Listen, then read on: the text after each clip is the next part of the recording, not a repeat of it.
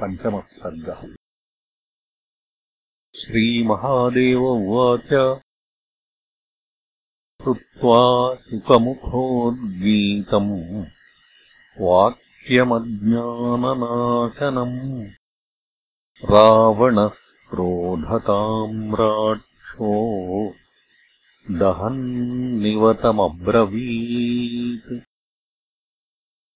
अनुजीव्यसुदुर्बुद्धे गुरुवद्भाषते कथम् शासिताहम् त्रिजगताम् त्वम् माम् शिक्षन्न लज्जसे इदानीमेव हन्मि त्वाम् किन्तु पूर्वकृतम् तव। स्मरामि तेन रक्षामि त्वाम् यद्यपि वधूचितम् इतो गच्छ विमूढत्वम् एवम् श्रोतुम् न मे क्षमम्। महाप्रसाद इत्युक्त्वा वेपमानो गृहम् ययौ। शुकोऽपि ब्राह्मणः पूर्वम् ब्रह्मवित्तमः वानप्रस्थविधानेन वने तिष्ठन् स्वकर्मकृत् देवानामभिवृद्ध्यर्थम् विनाशाय सुरद्विषाम् चकारयज्ञविततिमविच्छिन्नाम् महामतिः राक्षसानाम् विरोधोऽभूत् शुको देवहितोऽद्यतः वज्रदंष्ट्र इति ख्यातस्तत्रैको राक्षसो महान्। अन्तरम् प्रेप्सुरातिष्ठत्सुकापकरणोऽद्यतः कदाचिदागतोऽगस्त्यस्तः स्याश्रमपदम् मुनेः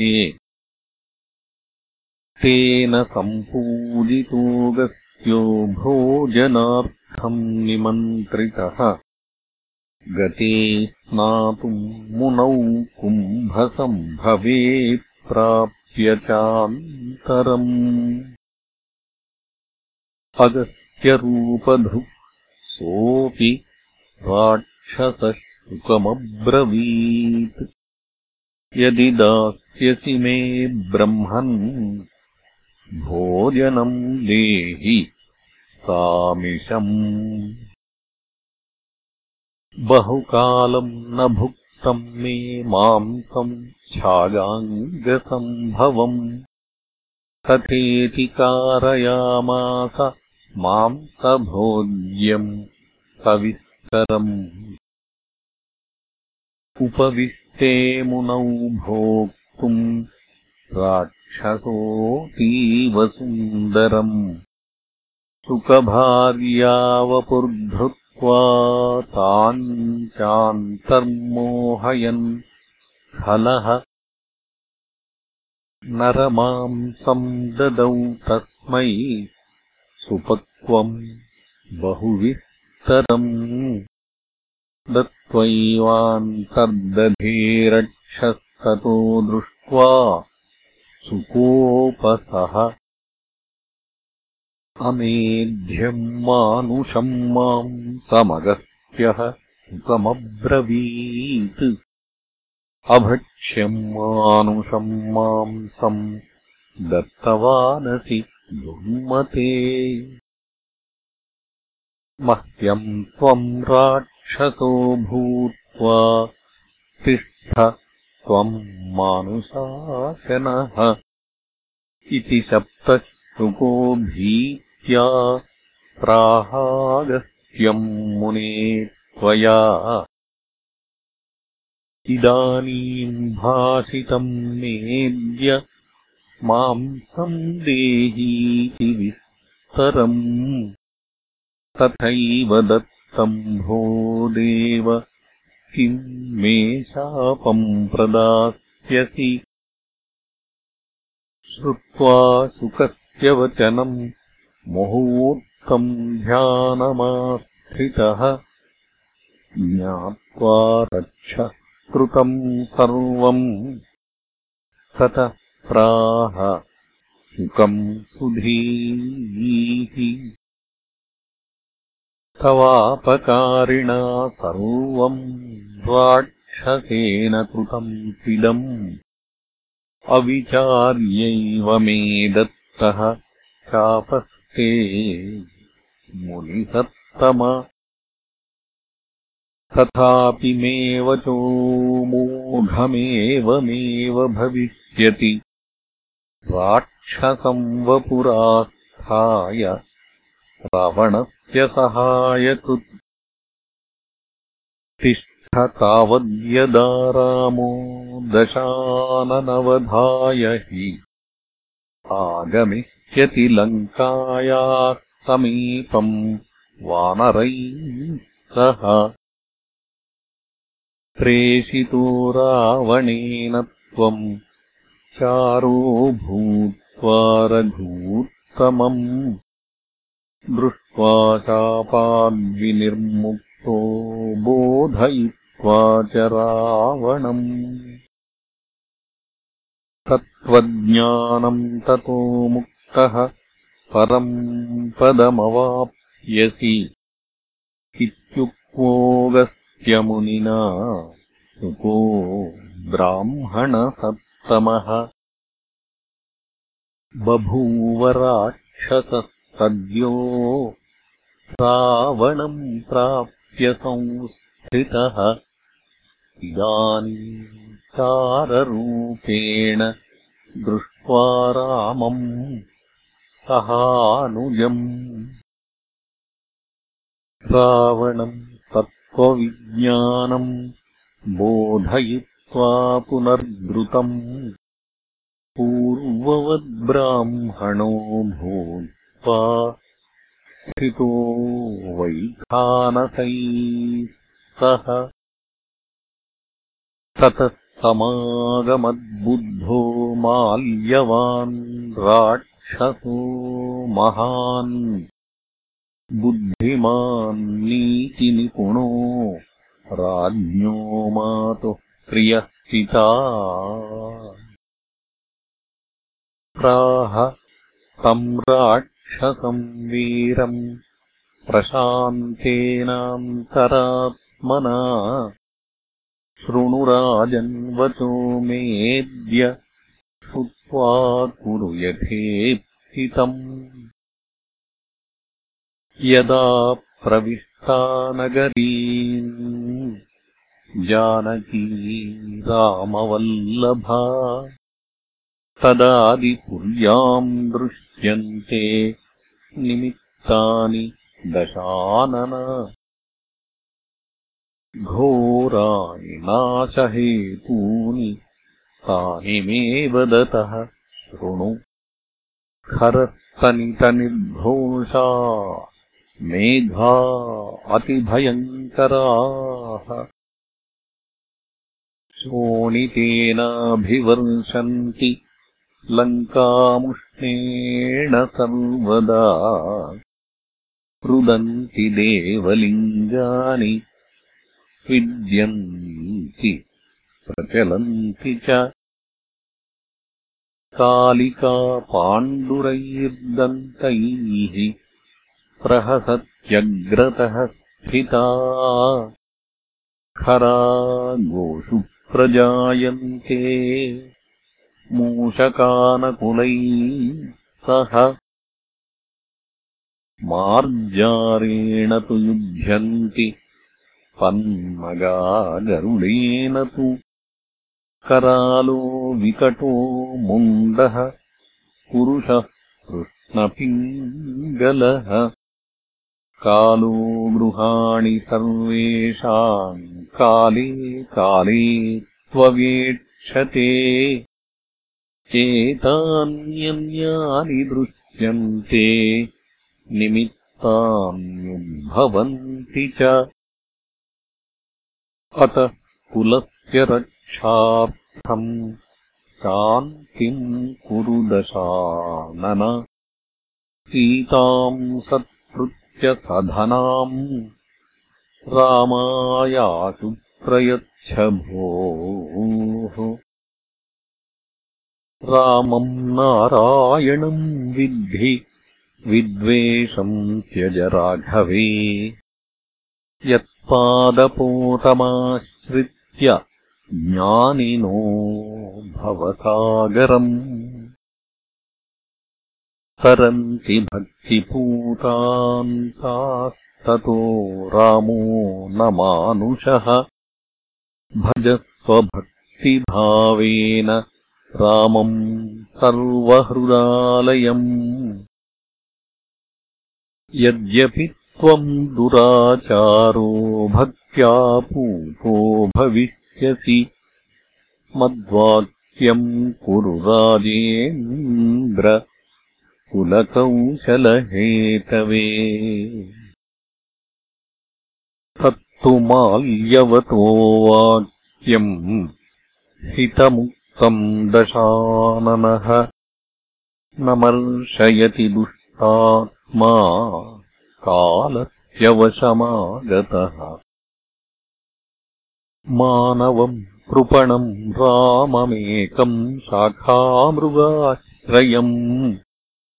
समर्थम् मन्यसे केन हीनम् पित्रामुनिप्रियम्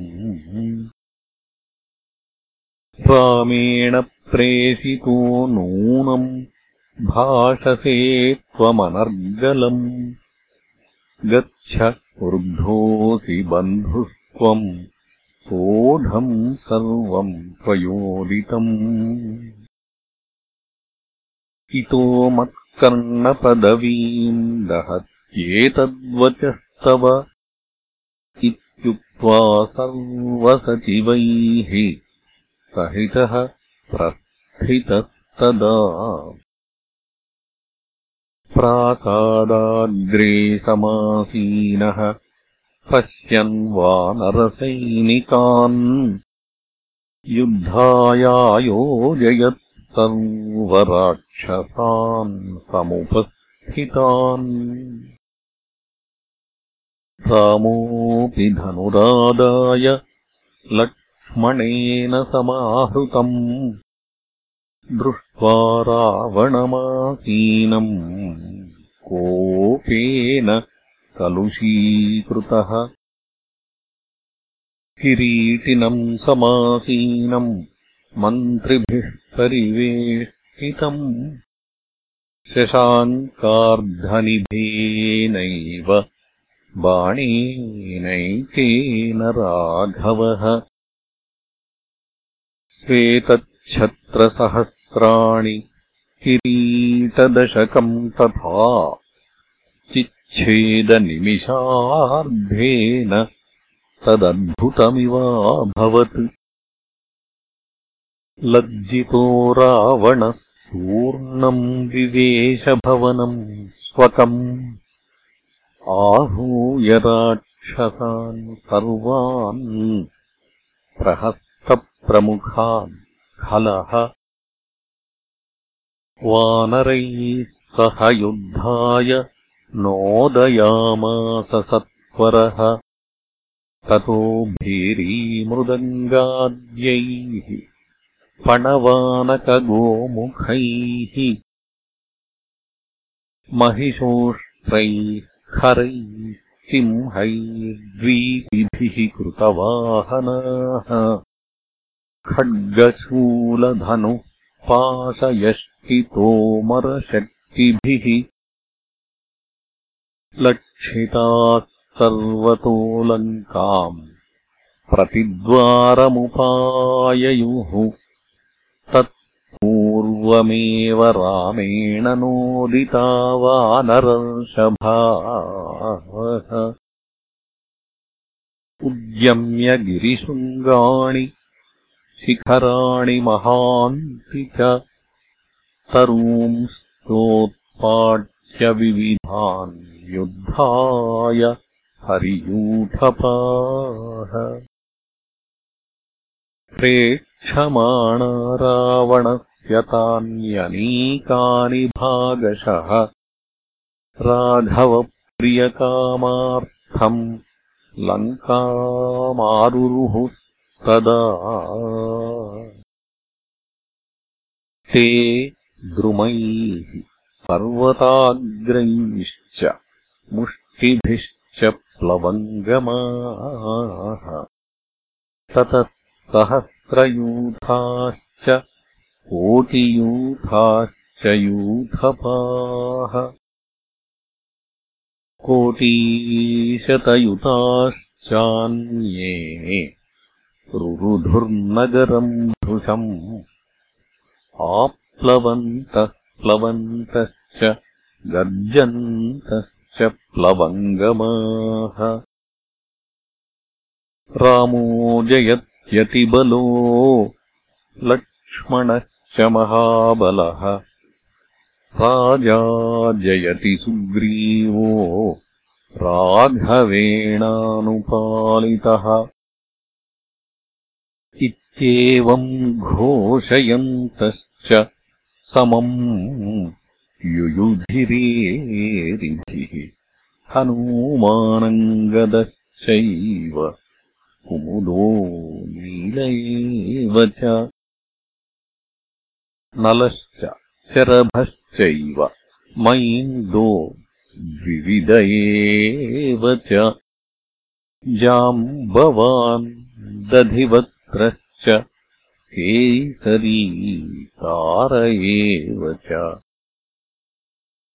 अन्ये च बलिनः सर्वे यूथपाश्च प्लवङ्गमाः द्वाराण्युत्प्लुत्यलङ्कायाः सर्वतो रुरुधुर्धृशम्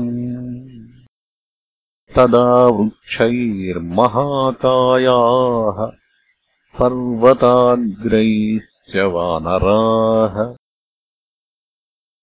निजघ्नुस्तानि रक्षांसि नखैर्दन्तैश्च वेगिताः राक्षसाश्च तदा भीमा द्वारेभ्यः सर्वतो रुषा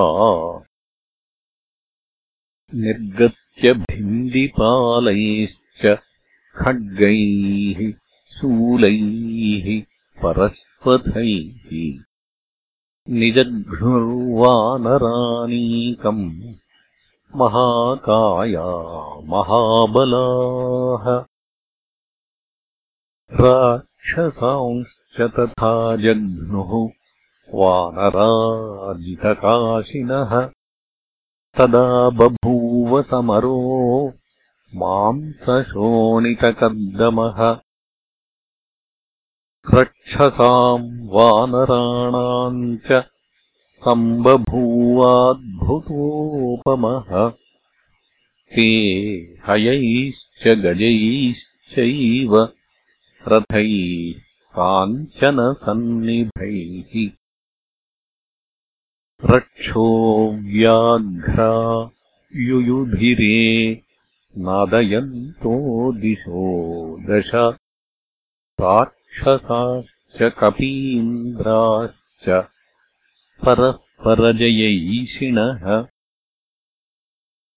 राक्षसान् वानराजघ्नुः वानरांश्चैव राक्षसाः रामेण विष्णुना दृष्टा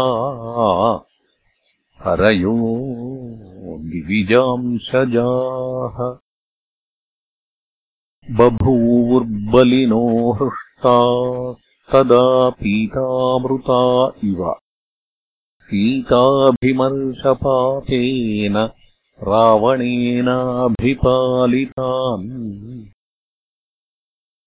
हतश्रीकान् हतबलान् राक्षसान् जघ्नुरोजसा।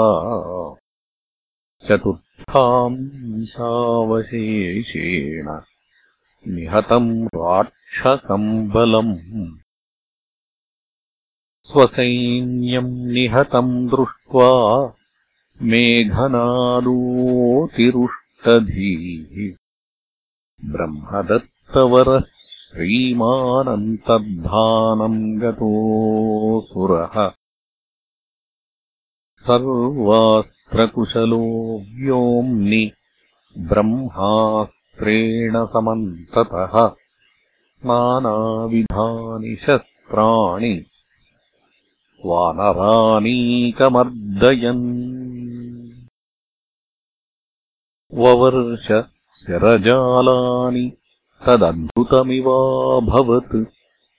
रामोऽपि मानयन् ब्राह्ममस्त्रमस्रविदाम्बरः क्षणम् तूष्णीमुवासाथ। ददर्शपतितम् बलम् वानराणाम् रघुश्रेष्ठुकोपानलसन्निभः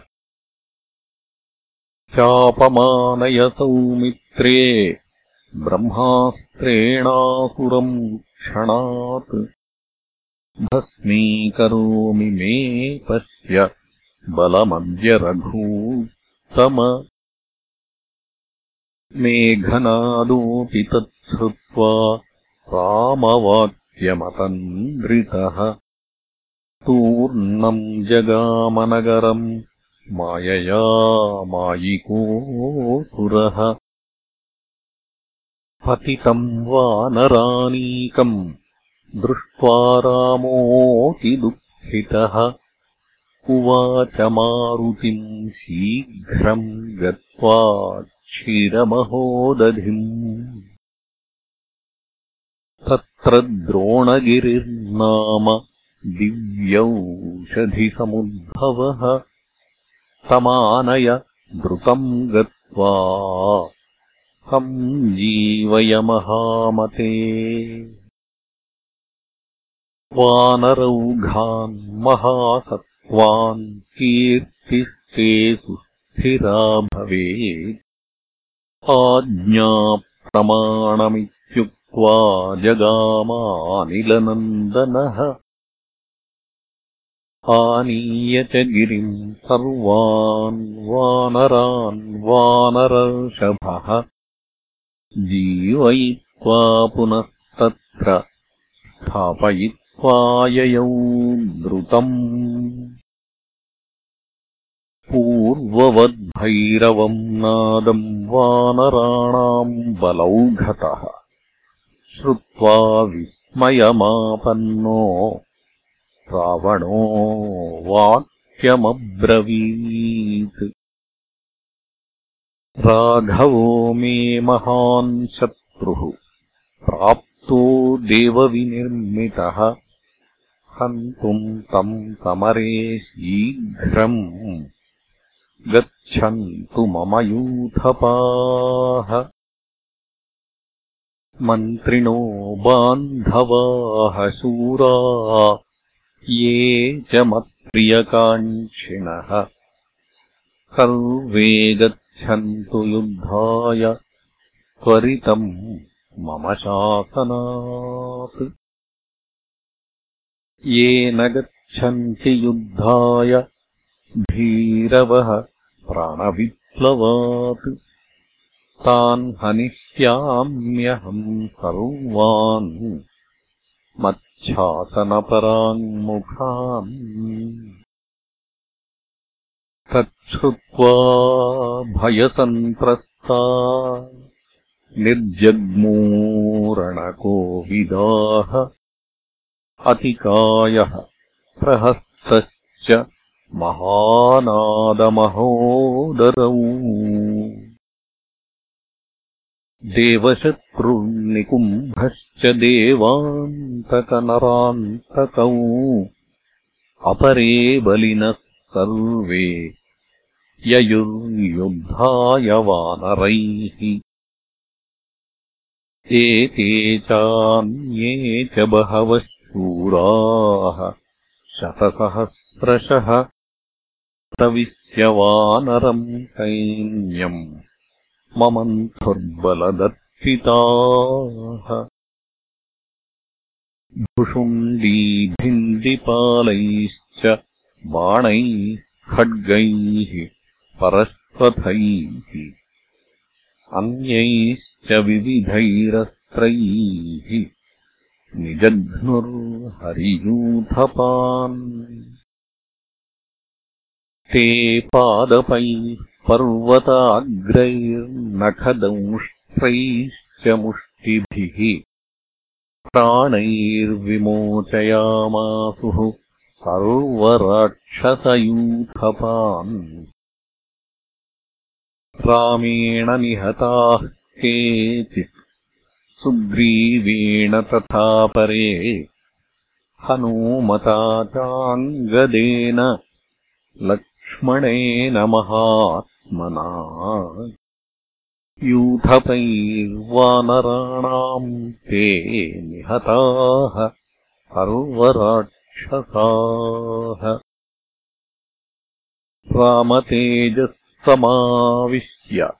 रामतेजःसमाविश्य वानराबलिनोऽभवन् रामशक्तिविहीनानामेवम् शक्तिः कुतो भवे सर्वेश्वरः सर्वमयो विधाता।